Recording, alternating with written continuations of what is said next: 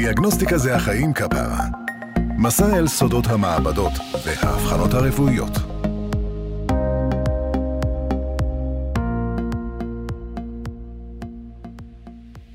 שלום, ברוכים הבאים לפודקאסט דיאגנוסטיקה זה החיים כפרה, הפודקאסט שבא לתאר את עולם המעבדות, לנסות להסביר למה זה מעניין אה, בשפה פשוטה לציבור הרחב, זה לא פודקאסט שבא לכוון לקהל המקצועי. זמין בכל הפלטפורמות האפשריות, שאני לא כל כך מכיר, אבל הן אה, קיימות שם. אה, ואני מאוד שמח היום אה, לארח את דוקטור אבי פרץ, נשיא האיגוד הישראלי למדעי המעבדה הרפואית, אילמר.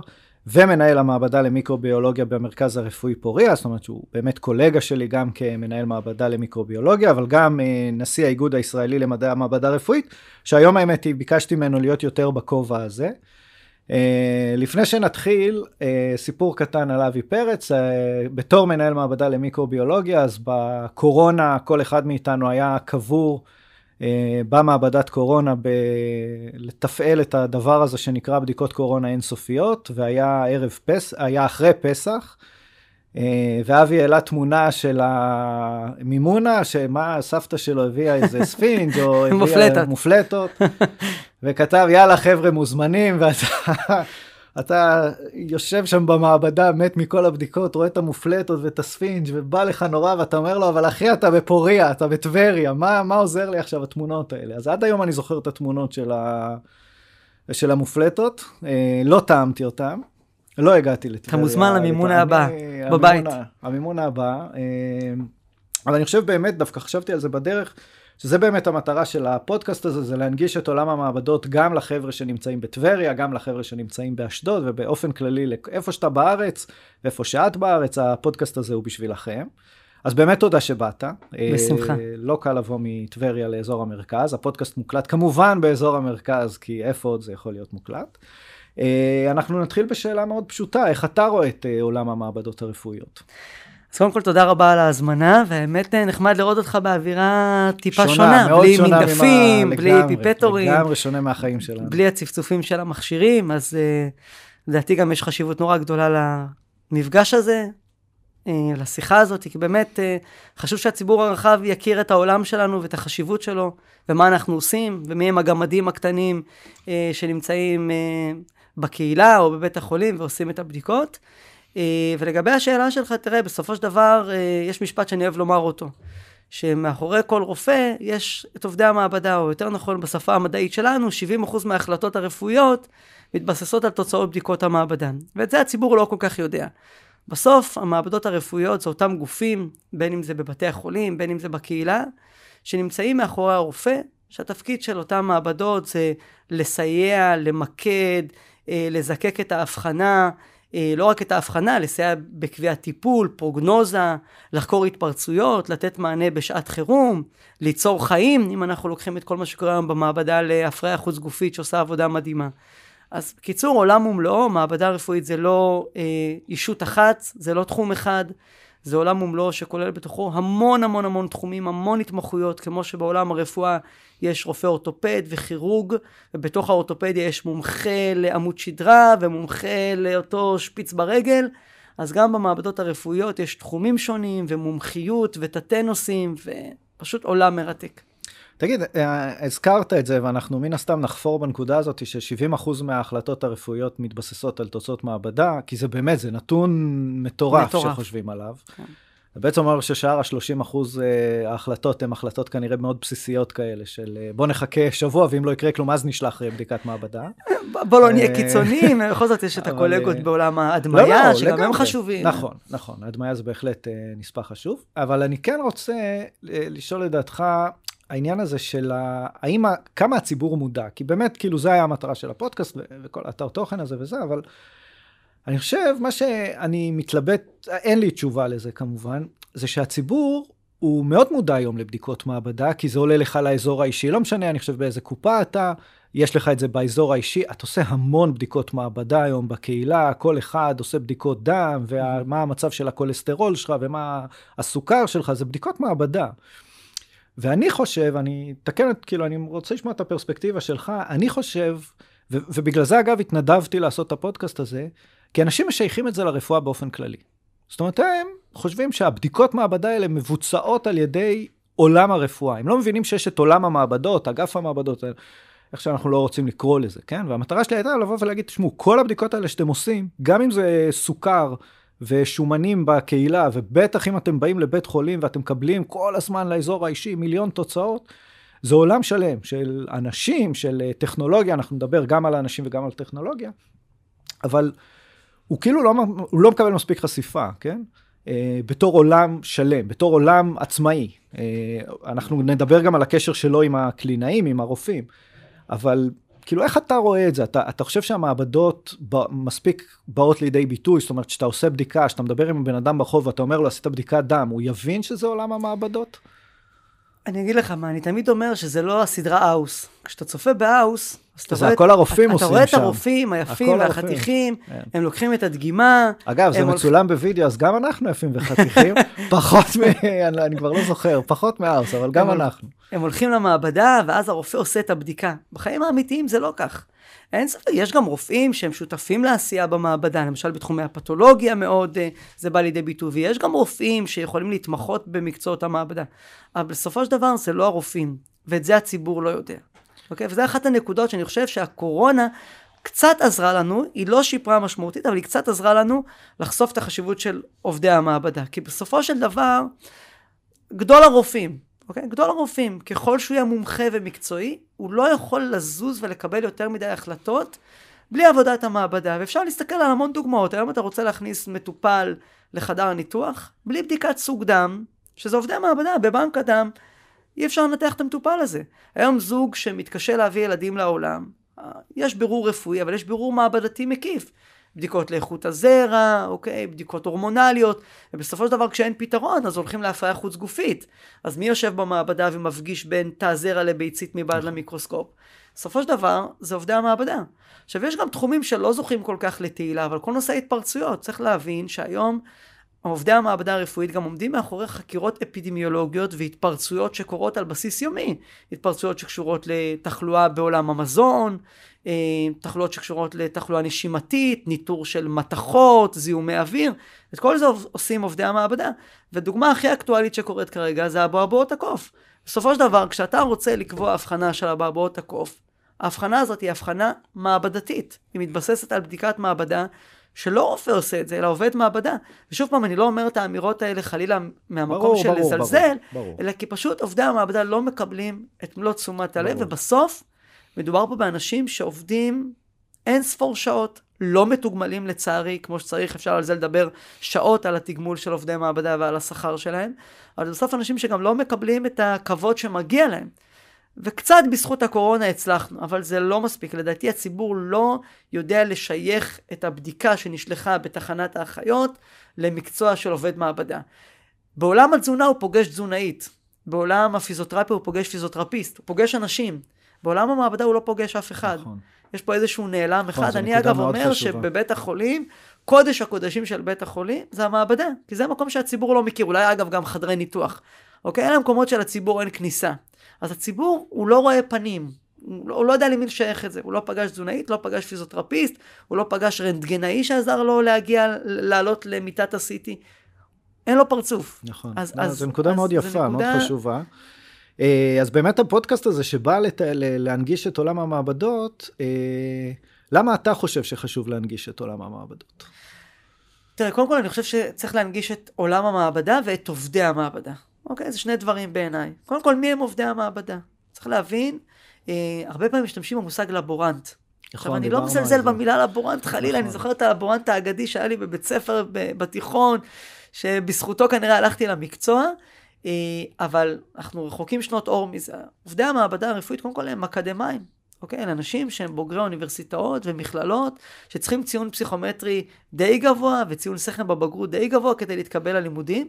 בסופו של דבר לומדים מקצוע מדעי, אוקיי? נדרשים להתמודד עם קורסים שהם קורסים מאוד קשים. וגם אחרי שסיימת איזשהו תואר ראשון, בין אם זה בביולוגיה, בין אם זה במקצועות המעבדה הרפואית או בביוטכנולוגיה, מקצוע המעבדה הרפואית הוא מקצוע עם רישוי. לא כל אחד יכול לבוא ולעבוד במעבדה רפואית כמו שרופא מסיים בית ספר לרפואה, והוא צריך לעבור תהליך של רישוי. בסוף לי ולך יש מספר רישוי. אם אנחנו טועים בבדיקה מסוימת, אנחנו יכולים להישפט על זה, אוקיי? בסוג של רשלנות רפואית. אז אנחנו צריכים גם לעבור תהליך נורא ארוך, שאגב כולל גם בחינות. עובד מעבדה, יש עובד מעבדה מתחיל, יש עובד מעבדה בכיר, יש אה, היתר לניהול מעבדה שכולנו היינו צריכים לעבור את התהליך הזה כדי לעמוד בראש מעבדה רפואית. אנשים לא מכירים את זה, הם לא מבינים מה זה, כאילו, מה זה אנשים שסיימו ביולוגיה, ביוטכנולוגיה, הנדסאים, יש, יש המון ערבוב, סלט נורא גדול בתחום הזה. אני חושב שקודם כל צריך לומר את זה, עובדי המעבדה הרפואית הם מדענים, אוקיי? הם אנשים שעוסקים במדע, במחקר, יש אגב המון מחקר בתחום המעבדה הרפואית, אי אפשר לזוז בלי המעבדה הרפואית, בכל מה שקשור לבדיקת יעילות של תרופות, אה, מחקרים שקשורים למכשור רפואי. אה, אז זה, זה בצד של עובד המעבדה. עכשיו, יש את הצד של המעבדה עצמה, שזה מקצוע מרתק. אתה נכנס היום למעבדה הרפואית, זה שיא הייטק.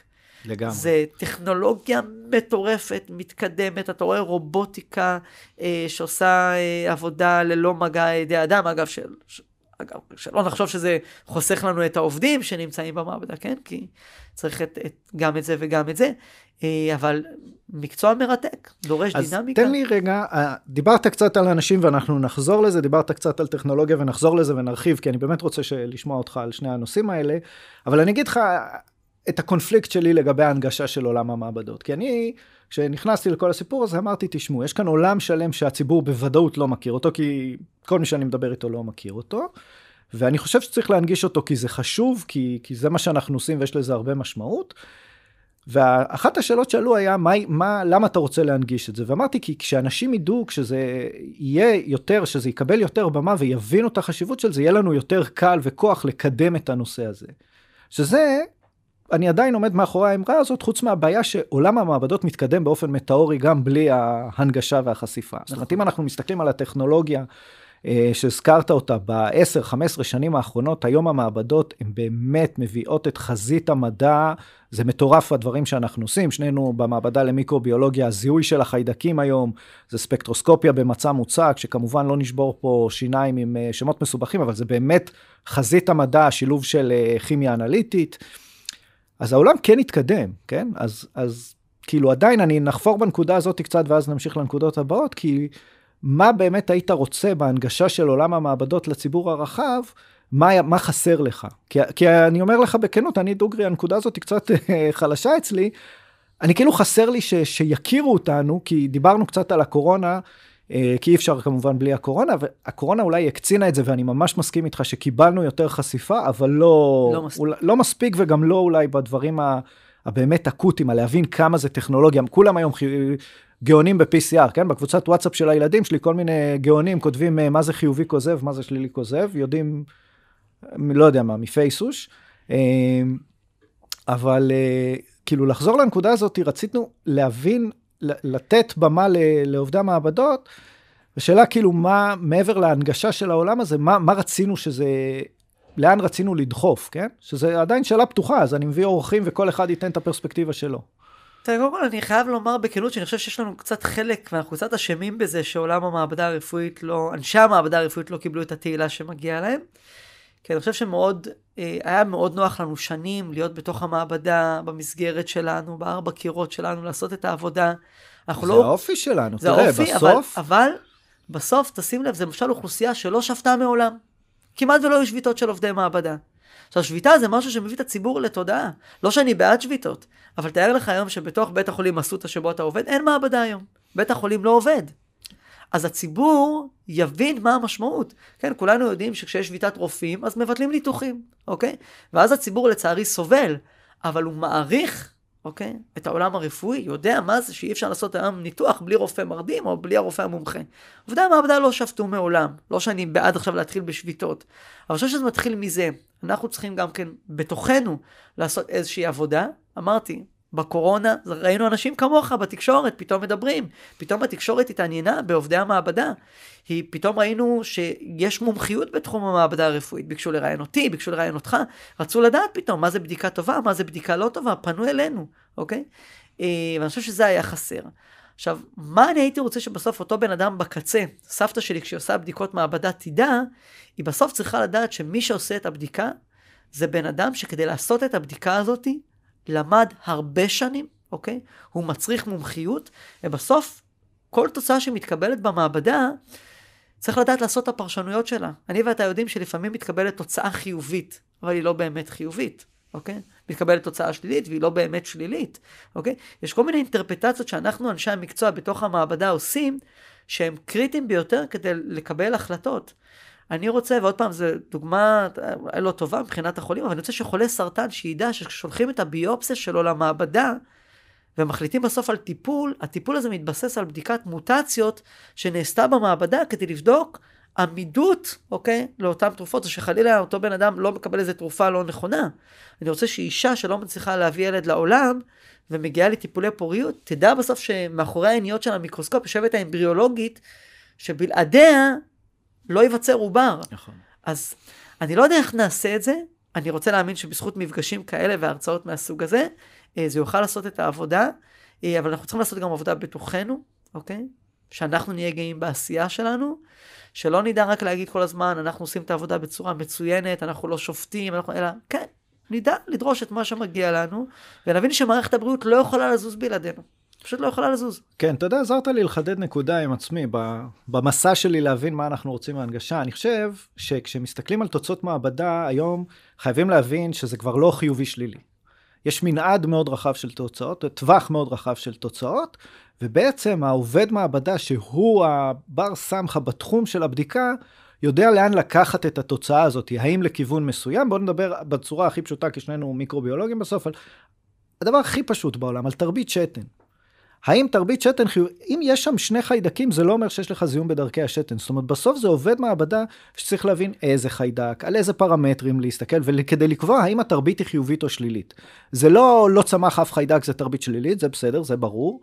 אה, אבל אם צמחו חיידקים, איזה, באיזה כמות, מה אני עושה איתם, אני ממשיך לבדיקת רגישויות, לא ממשיך לבדיקת רגישויות. אז בעצם המטרה היא להבין שיש עולם שלם שהוא לא רופאים ואחיות, שהוא זה שאחראי על הדברים האלה. כשאתה מקבל תרבית שתן חיובית, כן או לא, יש בן אדם מאוד מקצועי שצריך להבין את המקצוע באמת, וזה הדוגמה הכי פשוטה, כן? דוגמה מחדר ניתוח, רקמה מחדר ניתוח, האם היא הזדהמה או לא, זה בכלל אה, באמת באמת מסע שלם אה, כדי להבין את זה. אה, וזה נראה לי מעבר טוב כדי, כדי להבין את זה, לחזור לדבר, דיברת מאוד יפה על האנשים, ואני רוצה לחזור לזה. אני רק רוצה להוסיף, לחדד את הנקודה הזאת, שהיום הרפואה הולכת למקום של רפואה מותאמת אישית. מה זה רפואה מותאמת אישית? זה לבנות טיפול בהתאם למאפיינים גנטיים, מולקולריים, מטאבוליזם של מטופל. עכשיו, מי עומד מאחורי זה? בסוף מאחורי זה עומדת המעבדה.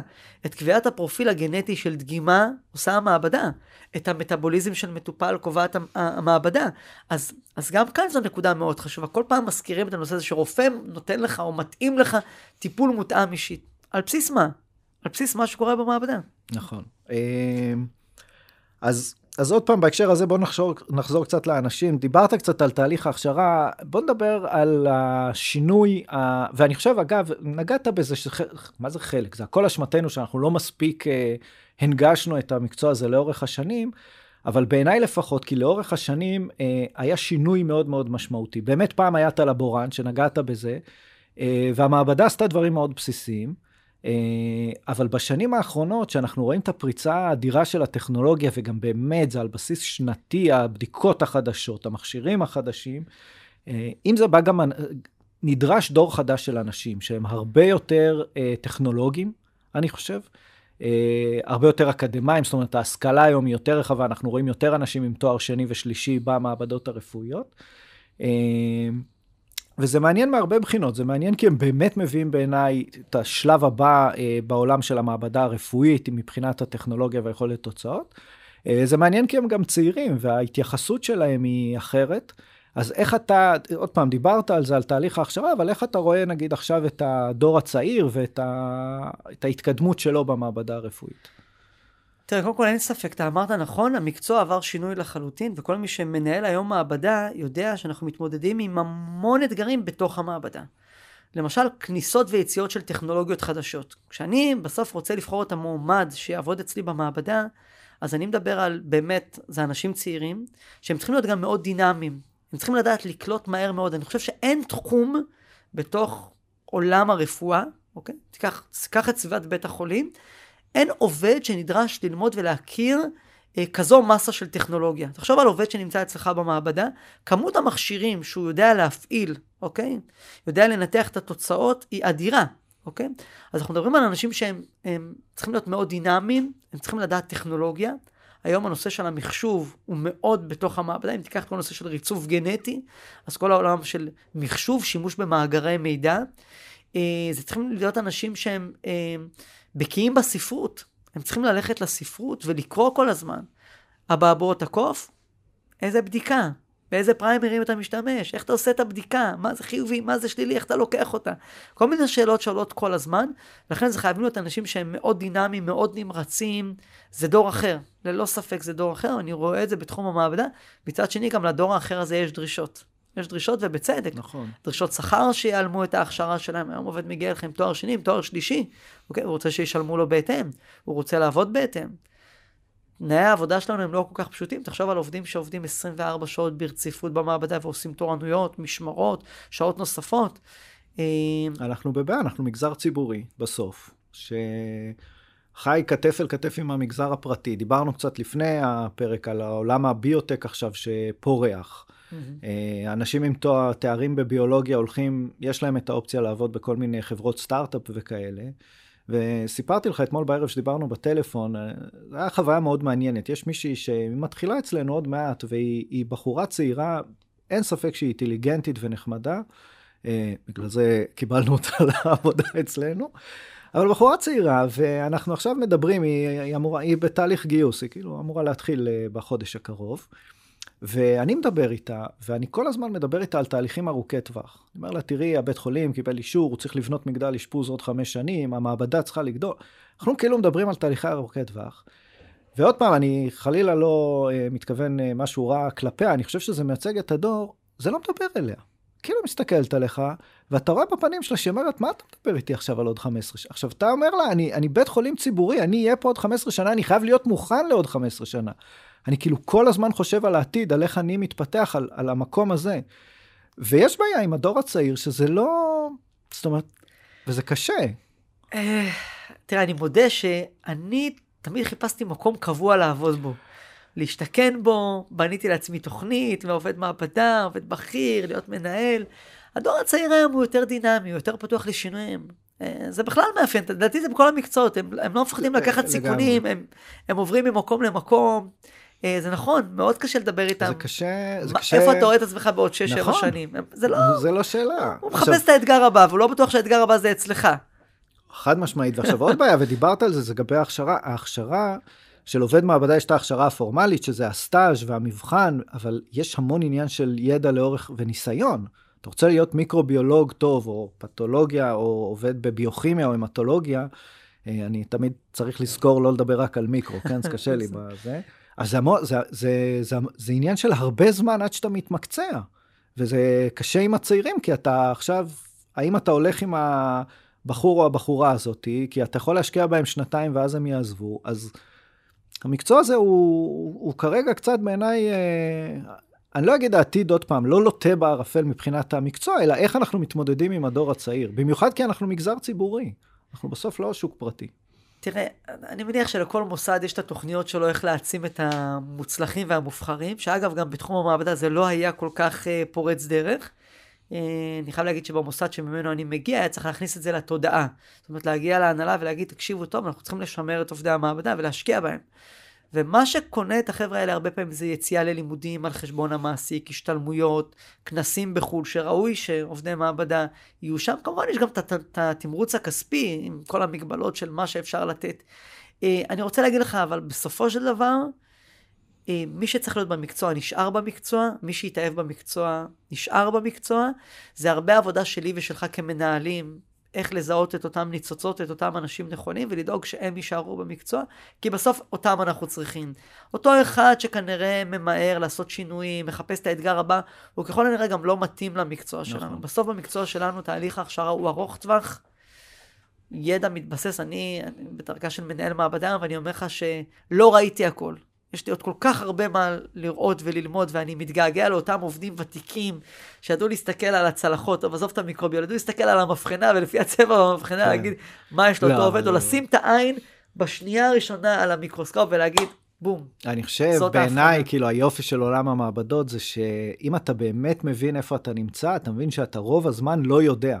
זאת אומרת שיש כל כך, זה כמו איזה אוקיינוס, אתה על סירה קטנה באוקיינוס של ידע, ואתה, איפ- לאן שלא ת- תשחה או תשוט עם הסירה שלך, אתה תגלה דברים חדשים. לגמרי. זה, זה ממש היופי של המקצוע הזה. אה, ואנחנו, וזה מצחיק, כי עוד פעם, יש פה איזה פער בינינו לבין הזה, כי אתה נותן המון תוצאות מעבדה ואתה עומד מאחוריהם, אנחנו, בניגוד למעבדות מחקר, התוצאות שלנו זה מסמך משפטי. אם אני אמרתי שלמישהו יש תרבית שתן חיובית, אני עומד מאחורי זה. ומצד שני, כל הזמן אנחנו מגלים דברים חדשים, גם בדברים הכי בסיסיים שיש, גם בבדיקות הכי בסיסיות שיש, אנחנו מפתחים אותם, אנחנו מדברים עליהם, זה בעיניי אה, באמת היופי של המקצוע הזה. אה, ובאמת, כמו שאמרת, אני חושב שזה, אה, חלק עם הדור הצעיר, אני חושב שהדרך שלנו בשירות הציבורי זה באמת להכניס כל הזמן עניין, אם זה כנסים, ימי עיון, אני חושב שזה מאוד חשוב, אני חושב שבסוף, שכר הוא בעייתי ובסדר, ואפשר לדבר עליו, כמו שאמרת, שעות, אבל יש הרבה מעבר לשכר. אה, ואני חושב שבאמת העניין והפיתוח האישי, אתה... כי מי שמבין את זה, אז אתה אומר לו, תשמע, אתה, השמיים הם הגבול, נכון? לא משנה באיזה מעבדה אתה, אתה יכול להתקדם עד הפנסיה. וגם בפנסיה אתה תצא ותבין שאתה עדיין לא יודע כלום, שעדיין יש עולם שלם שלא למדת. אני חושב שזה צריך להיות העוגן שלנו, אני מקווה שזה יהיה העוגן שלנו. אה, ובאמת בהקשר הזה, אז הנושא הבא שלנו זה העניין של הטכנולוגיה. שזה באמת, בואו נדבר קצת על, ה, על השינויים הסופר דרמטיים שהיו פה. אה, אתה יודע, תמיד אומרים, הטלפונים החכמים נכנסו, אני חושב, ב-2010, לא, אני לא זוכר את השנה, תמיד מצטטים את השנה הזאת ואני לא זוכר איזה, ואנחנו, כל היום שאנחנו מדברים על טכנולוגיה, אנחנו מדברים על ההייטק והטלפונים החכמים, אבל אה, בעולם הרפואה בכלל, צריך להגיד, בטח בצנתורים היום, שזה לא יאומן לעומת פעם. אה, גם במעבדות, הטכנולוגיה שנכנסה היא מטורפת, צריך אה, כאילו באמת להיות מומחה כדי לתפעל אותה, כדי להבין מה, את הפלט שהיא נותנת. אה, בוא באמת נחפור בזה, הרי הפלט שהמכונות נותנות לא עוברות כמו שהוא לרופאים. זאת אומרת, בעצם זה התפקיד שלנו, להפעיל את המכונות המטורפות האלה, זאת אומרת, זה מאוד טכנולוגי, אבל אחר כך לקחת את הפלט מהם ולהגיד, אוקיי, מה המשמעות של זה? אה, אם זה בקביעות ייחוס, מה באמת תקין, מה לא תקין אה, וכאלה. אה, יש הרבה שטוענים, אני דווקא, אני מאוד לא מאמין בזה, אבל זה שכאילו הטכנולוגיה הרסה את הרומנטיקה במקצוע, שכאילו פעם היית לוקח דוגמה ואין מכשירים, זה אתה עם העיניים שלך. אני חושב שאתה עם כל אחד עם העיניים שלו היו המון טעויות, וגם אה, זה עזר לנו היום להתמודד עם הכמויות. אז איך אתה רואה את הטכנולוגיה, ובאמת בוא נדבר על ההקשר הזה של ה... המעבדות הרפואיות שאנחנו נדרשים היום להספק, גם להספק מאוד גדול, יש המון בדיקות, אה, והטכנולוגיה בעצם עוזרת לנו להתמודד עם זה. אה, איך אתה רואה את האינטגרציה של הטכנולוגיה בתוך העולם שלנו? תראה, בסופו של דבר, מה שחשוב לי זה לזכור שבקצה יש מטופל. ואני רוצה שהבדיקה תהיה הכי מדויקת, הכי אמינה, הכי נכונה. ופה הטכנולוגיה מתחברת. כי בסוף יש תהליכים שרובוט מסוגל לעשות, שהידיים שלנו יהיו מדויקות ככל שיהיו, לא מסוגלים לעשות. אני חושב שגם ברפואה מבינים את זה היום עם הכניסה של הרובוט דה וינצ'י, שיודע לעשות נכון. תנועות ביד, שאף מנתח הכי מוכשר שיכול להיות לא מסוגל לעשות. אז בסוף, הרובוטיקה והטכנולוגיה, היא לא נועדה להחליף את עובדי המעבדה. הרובוט הוא גולם. בסוף הידע שיש בתוך הרובוט, באותו מכשיר, זה ידע שעובדי המעבדה מזינים לתוכו, אוקיי? והפלט שהוא מוציא, הוא, כמו שאמרת, הוא לא המילה האחרונה. כי בסופו של דבר אנחנו יודעים שהפלט גם ניזון מהרבה מאוד דברים שיכולים ליצור חיובי כוזב, שלילי כוזב, יש המון משתנים. אגב, הציבור צריך לדעת שלפעמים מה שהמטופל אוכל לפני הבדיקה, יכול להשפיע מאוד על התוצאה. וגם מצב הרוח שמטופל מגיע לפעמים לבדיקה, גם זה משפיע על התוצאה. אה, אז יש המון משתנים ש... שמגיעים עם הבדיקה, ואנחנו צריכים לנטרל אותם, ולדעת שהם לא בהכרח אמיתיים, והתוצאה היא לא בהכרח נכונה, וכאן הידע של עובדי המעבדה, ואני בטוח שאתה כמיקרוביולוג יודע שלפעמים מכשיר נותן לך תוצאה שהוא זיהה חיידק מסוים, אבל אתה אומר, זה לא החיידק הזה. זה לא החיידק הזה, אוקיי? כי חסר לי עוד כמה דברים שרק עובד המעבדה יודע לעשות. אה, הטכנולוגיה היא הכרחית. בסוף המקצוע הוא מקצוע מאוד מתקדם. לא היינו יכולים להסתדר בלעדיו. כדי לדייק את הבדיקה וגם כדי להביא תפוקות. אם היינו נדרשים היום לעשות את כמויות הבדיקות שהמעבדות עושות עם כוח אדם, היינו צריכים להכפיל את כוח אדם כנראה פי 30, פי 40. אוקיי? זה לא יעבוד. המכשירים יודעים לעזור לנו, אוקיי? לנתב את הבדיקות בצורה יותר מהירה, לחסוך תהליכים שבעבר עשינו ביד, שמיותר לחלוטין לעשות אותם ביד, אוקיי? עוד פעם, צריך לזכור, תהליכי הפענוח הם של עובדי המעבדה, נכון. אוקיי? בסוף העובד נדרש לשבת על המיקרוסקופ ולהסתכל, העובדת שלי ושלך נדרשת להסתכל על הצלחת, אוקיי? אנחנו נדרשים לעשות המון תהליכים שהם תהליכים ידניים שלא הלכו והם כנראה לא ילכו לעולם, עם כל הסיפור הזה של בינה מלאכותית שהיום גם כן נכנסת לעולם המעבדה הרפואית, אבל עובדי המעבדה יידרשו. אבל הטכנולוגיה היא הכרחית, אני מאוד בעד טכנולוגיה חדשה. אה, אגב, בנקודות המעבר מהעובדים הצעירים לעובדים הוותיקים ראינו קצת קשיים, כי לעובדים נכון. הוותיקים היה מאוד נכון. מאוד קשה לשחרר את הפעולות הידניות שהם היו נכון. עושים, אוקיי? אה, והם עשו את זה בצורה מצוינת, אגב, עם רמת דיוק כנראה מעולה, אבל בסוף הטכנולוגיה נכון. נועדה לחסוך את זה מאיתנו, בסוף צריך גם להבין שיש גם המון המון תהליכים מונוטונים בתוך המעבדה הרפואית. פעולה כזאת שנראית לנו פעולה פשוטה מאוד, אם אתה נדרש לעשות אותה אלפיים פעמים ביום, בסוף דלקת פרקים של עובד מעבדה זה משהו שיגיע מהר מאוד. אז רובוט שיודע לעשות את הפעולה הזאת זה, זה הכרחי, אני, אני לא רואה סיבה למה לא. ואני חושב שאנחנו רק בתחילת המהפך, אנחנו רק בהתחלה, אוקיי? ושוב פעם, גם כן הקורונה ידעה לסמן. את הנקודה הזאת, כי בסוף... הקורונה הכניסה רובוטיקה מאוד מאוד מתקדמת, בתפוקה מאוד גבוהה. תסתכל היום על כל נושא העולם של הריצוף הגנטי. פעם כדי לרצף דגימה, או שבועות עד שהיית מקבל תשובה. היום כולנו יודעים שבאמצעות הטכנולוגיה המתקדמת ועובד מעבדה טוב, עם איזה ביואינפורמטיקאי שעושה עבודה טובה, תוך יומיים אתה כבר גמרת לרצף דגימה ולזהות מוטציות ובעיות שאף אחד לא היה מודע אליהן בכלל. אז, אז אני לגמרי רואה בטכנולוגיה אה, שותפה, ההפך, אני מאיץ בחברות למצוא לנו פתרונות לדברים שאין לנו היום פתרון, אוקיי? וגם, זה גם עוזר להפוך את uh, סביבת העבודה שלנו להרבה יותר ידידותית. למה עובד מעבדה צריך לנשום חומרים כימיים, אם אפשר לעשות את זה בתוך מערכת סגורה, שיודעת לעבוד עם החומרים הכימיים האלה בעצמה, ועובד המעבדה לא צריך להיחשף ולנשום את אותו אוויר מזוהם. נכון, אני... נקודות יפות, אני חושב שבאמת, בעיניי, לפחות מה שאני רואה, שנינו מתמודדים עם כל הזמן עלייה בכמות הבדיקות, כל הזמן. אנשים רוצים בדיקות, ובגלל זה, אפרופו עולם המעבדות, הם כאילו מקבלים את זה מה... לא יודע, מה, מה, מה, הם חושבים שזה מגיע מהשמיים תוצאות המעבדה, אבל הכמויות בדיקה עולות, ואני חושב שהטכנולוגיה והאוטומציה הן הכרחיות כדי שנעמוד בהספקים האלה. ובאמת שום דבר, בסוף, אני, אנשים תמיד אומרים לך, מה, הרובוטים יחליפו אותנו. אז אני מאוד מקווה שרובוטים יחליפו את הידיים שלנו, כמו שאמרת, הידיים שלנו טובות ככל שיהיו, הרובוט מנצח. בקורונה כשהתחלנו עשינו הרבה PCRים באופן ידני, היום זה הכל רוב, אה, רובוטים, וזה באמת עובד הרבה יותר טוב. אה, וזה באמת, זה התפקיד שלנו, אה, לקדם את זה, זאת אומרת, לתת לאוטומציה להתמודד עם העלייה בהספקים. בהקשר הזה בוא ניגע, כי אין ספק, אנחנו עושים המון המון בדיקות. ושנינו יודעים אה, שיש הרבה בדיקות, אני לא אגיד מיותרות, כי אני לא אוהב את השימוש במילה בדיקות מיותרות, אבל אה, יש מונח שאני אה, מאוד אוהב, שנקרא Laboratory Stewardship, שזה כאילו בא להגיד שהמעבדה צריכה בעצם לדייק את הבדיקות. אה, כי היום, אחד הדברים, הביקורת בצד השני שלנו, הרופאים, וזה גם יעביר אותנו באמת לקשר בין המעבדה לרופאים, כשהרופא לא, לא כל כך יודע, הוא פשוט מסמן הכל. זה גם היום יותר ויותר נהיה ממוחשב.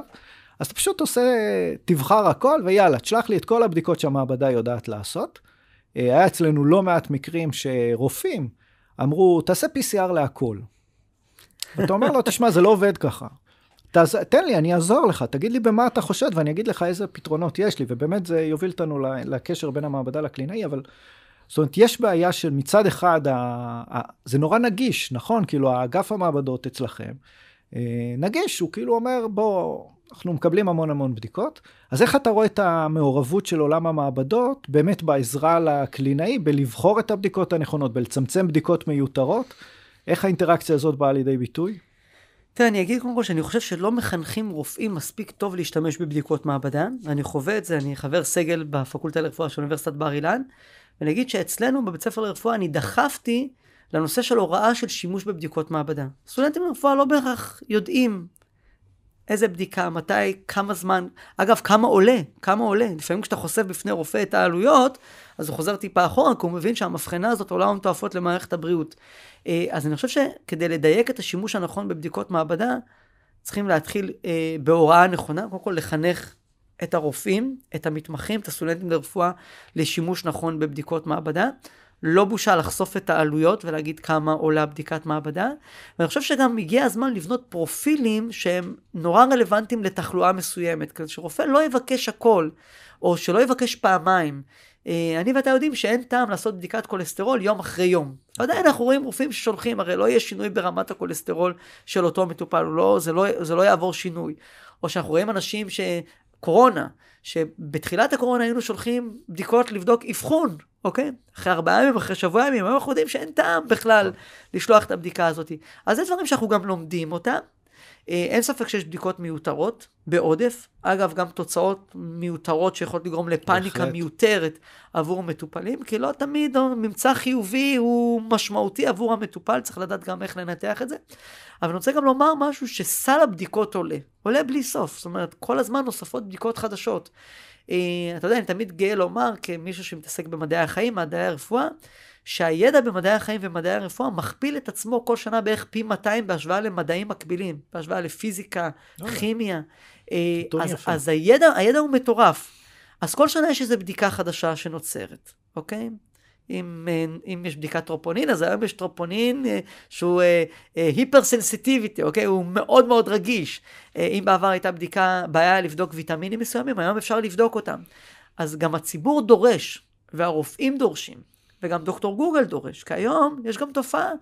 הנושא הזה של אה, ציבור רחב שיכול להיכנס לגוגל ולראות איזה בדיקות היה כדאי שיעשה, אז בסוף אותו מטופל מגיע לאותו רופא ודורש את זה.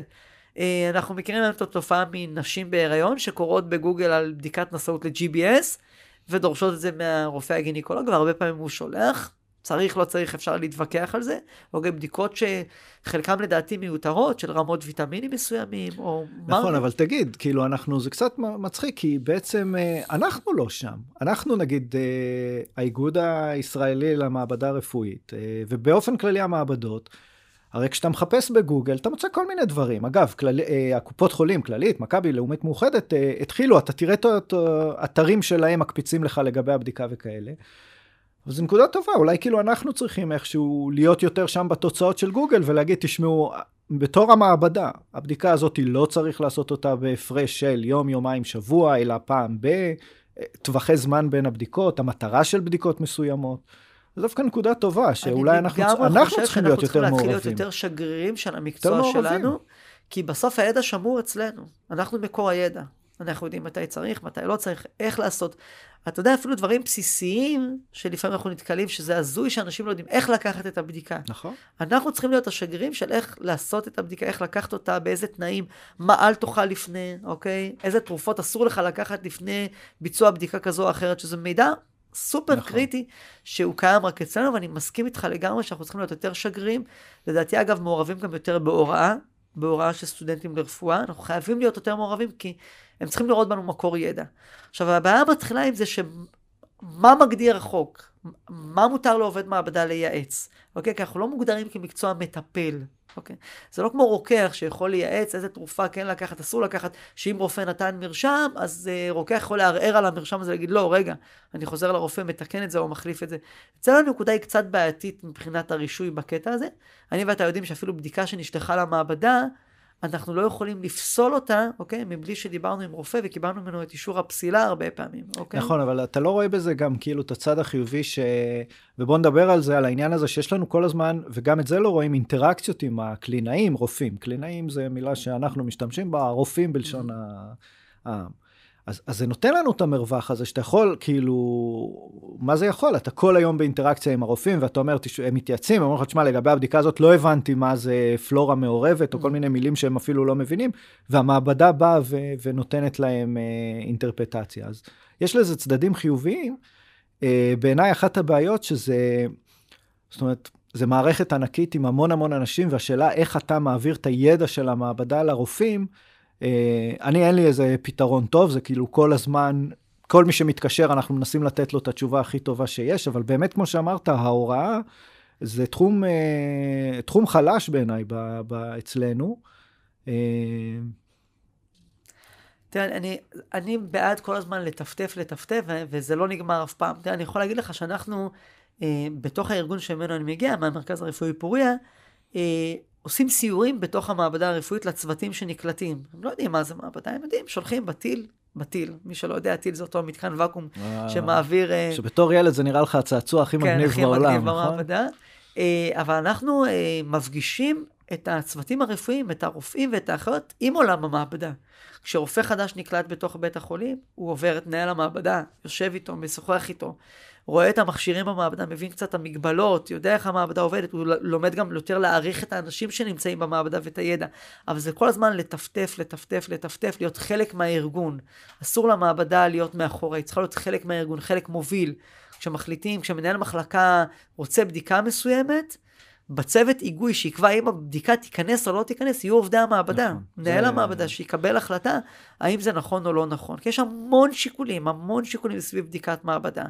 כמה צריך אותה, כמה היא מדויקת, כמה היא טובה, כמה היא עולה, אה, מה הידע הנדרש, שוב פעם. נכון, אה, מה הערך שלה בסוף? לפעמים יש, צריך, צריך ידע מטורף כדי לנתח נכון. בדיקת מעבדה אחת. אז אני בעד שאנחנו חייבים להיות בחזית, זה צריך לבוא מאיתנו. אני מאוד מאמין בדור הזה של אנשים שנקלטו במעבדה כרגע, כי הם מאוד אקטיביים ומאוד רוצים להיות. זה דור אחר. זה דור אחר. אה, ועולם ההוראה, כמו שאמרת, עולם נכון, ההוראה. עולם ההוראה באמת אנחנו צריכים. אה, קצת לסיום, אה, איך אתה רואה את העתיד של אה, עולם המעבדות? או-אה. שאלה, שאלה- אתה יודע, מרק טוויין, הם מייחסים את זה למרק טוויין, זה כנראה לא הוא אמר את זה, הוא אמר שתחזיות זה דבר מאוד קשה, במיוחד בכל מה שנוגע לעתיד. אז אה, תחזיות זה קשה, אבל בכל זאת, איך אתה אה, רואה את העתיד? תשמע, לדעתי אנחנו בתחילתה של מהפכה, אוקיי? הקורונה לטוב ולרע, התחילה פה מהפכה. אה, לדעתי, אנחנו נצעד עם הרבה יותר טכנולוגיות. אנחנו היום פתוחים להרבה יותר טכנולוגיות. אנחנו מבינים שאנחנו יכולים לעשות דברים שלא עשינו עד היום, שפחדנו לעשות אותם. בכלל, אני חושב שהמעבדות במדינת ישראל, בכל מוסד, כאן המקום לומר שמהיכרות שלי בהחלט. כאיגוד, אה, בכל מוסד רפואי במדינת ישראל, אפשר להגיד שיש את המעבדות הכי טובות. אני מסתובב הרבה בעולם, ראיתי הרבה מעבדות בעולם. אזרחי מדינת ישראל צריכים להגיד באמת שאפו על מה שקורה כאן. צריך לומר שבאירופה, כדי לעשות בדיקה רפואית, לגמרי. המטופל צריך או לשלם או להתחנן, או, או אם זה בדיקה פעם ב... במדינת ישראל אנחנו די תומכים בבדיקות מעבדה, עוד פעם, נכון. בגבול מה שצריך, אה, ונעשית כאן עבודה מטורפת. אנחנו בתחילתו של מהפך, לדעתי תוך עשור המעבדות הרפואיות יקפ- יקפצו בהיקפים שלהם, בכוח האדם. אנחנו, כמו שאמרתי, הולכים לרפואה מותאמת אישית, אנחנו רואים יותר ויותר בדיקות שמותאמות פר מטופל, מה שמצריך מאיתנו גם התארגנות עם צוותים שיהיה להם ידע בתחום המולקולרי, ביואינפורמטיקה, גנטיקה, אה, טכנולוגיה, מחשוב, מחשוב, מחשוב. אה, זה משהו שאנחנו נראה אותו. אני אגיד לך, כי אני, אני, אני גם, כשאני מסתכל על העתיד, ואני, בקורונה אגב, כל התחזיות שלי היו שגויות, אז אני בינתיים אפס. ממאה. כל הזמן שאמרו לך, מה יהיה? מה, איפה אני יודע מה יהיה? אז גם פה, מאיפה אני יודע מה יהיה? אבל uh, אני חושב ששני דברים יובילו אותנו בעתיד. אחד, האוטומציה, כדי להתמודד עם העלייה בנפח הבדיקות. אנחנו חייבים להיות כמה שיותר אוטומטיים, כי אין... רובוט תמיד יכול לעשות זה, הוא גם יכול לעבוד 24/7 וכאלה. ואת זה דווקא אני רואה, אני יכול לראות את זה קורה. אנחנו יודעים שיש היום אה, חברות ומכשירים שמכניסים תהליכי אוטומציה אה, למעבדות. הרפואה מותאמת אישית היא קשה, נכון? כי אנחנו בעצם אומרים שאנחנו רוצים לעבור לאוטומציה, ל... לדברים שקורים באופן רציף ואוטומטי, אבל עכשיו אנחנו נצטרך להתאים אותם, וזה אתגר, זה כן. אתגר מאוד גדול. זה אתגר מאוד גדול. אה, וזה באמת אה, הולך להיות האתגר אולי של עולם המעבדות. אה, השיחה שלנו התארכה מעבר לצפוי, אבל זה רק אומר שזה היה טוב ומעניין. זה עבר מהר. אה, זה עבר מהר לגמרי, אז אה, תודה רבה, באמת תודה. שמחה, תודה אה, שהזמנת אותי. המופלטה לא הבאת פעם שנייה, אבל זה אולי... אה, אני אז- מתחייב להזמנה אז אישית. זהו, אז עכשיו אני חושב ככה זה, אני יכול לנעול אותך לעוד פלוס פרק. בדיקת גלוקוז אחרי המופלטה וכולסטרול. כן, זהו, זה, ואז תראה כמה זה משפיע, הדברים האלה. אז לא, אז ככה יש לי דרך לנעול אותך לעוד פרק. אה, דוקטור אבי פרץ, יושב ראש האיגוד הישראלי למעבדה רפואית, אה, ומנהל המעבדה במרכז הרפואי פוריה, תודה רבה מאוד שבאת אלינו, על היה ההזמנה. פרק נהדר, תודה רבה. תודה רבה.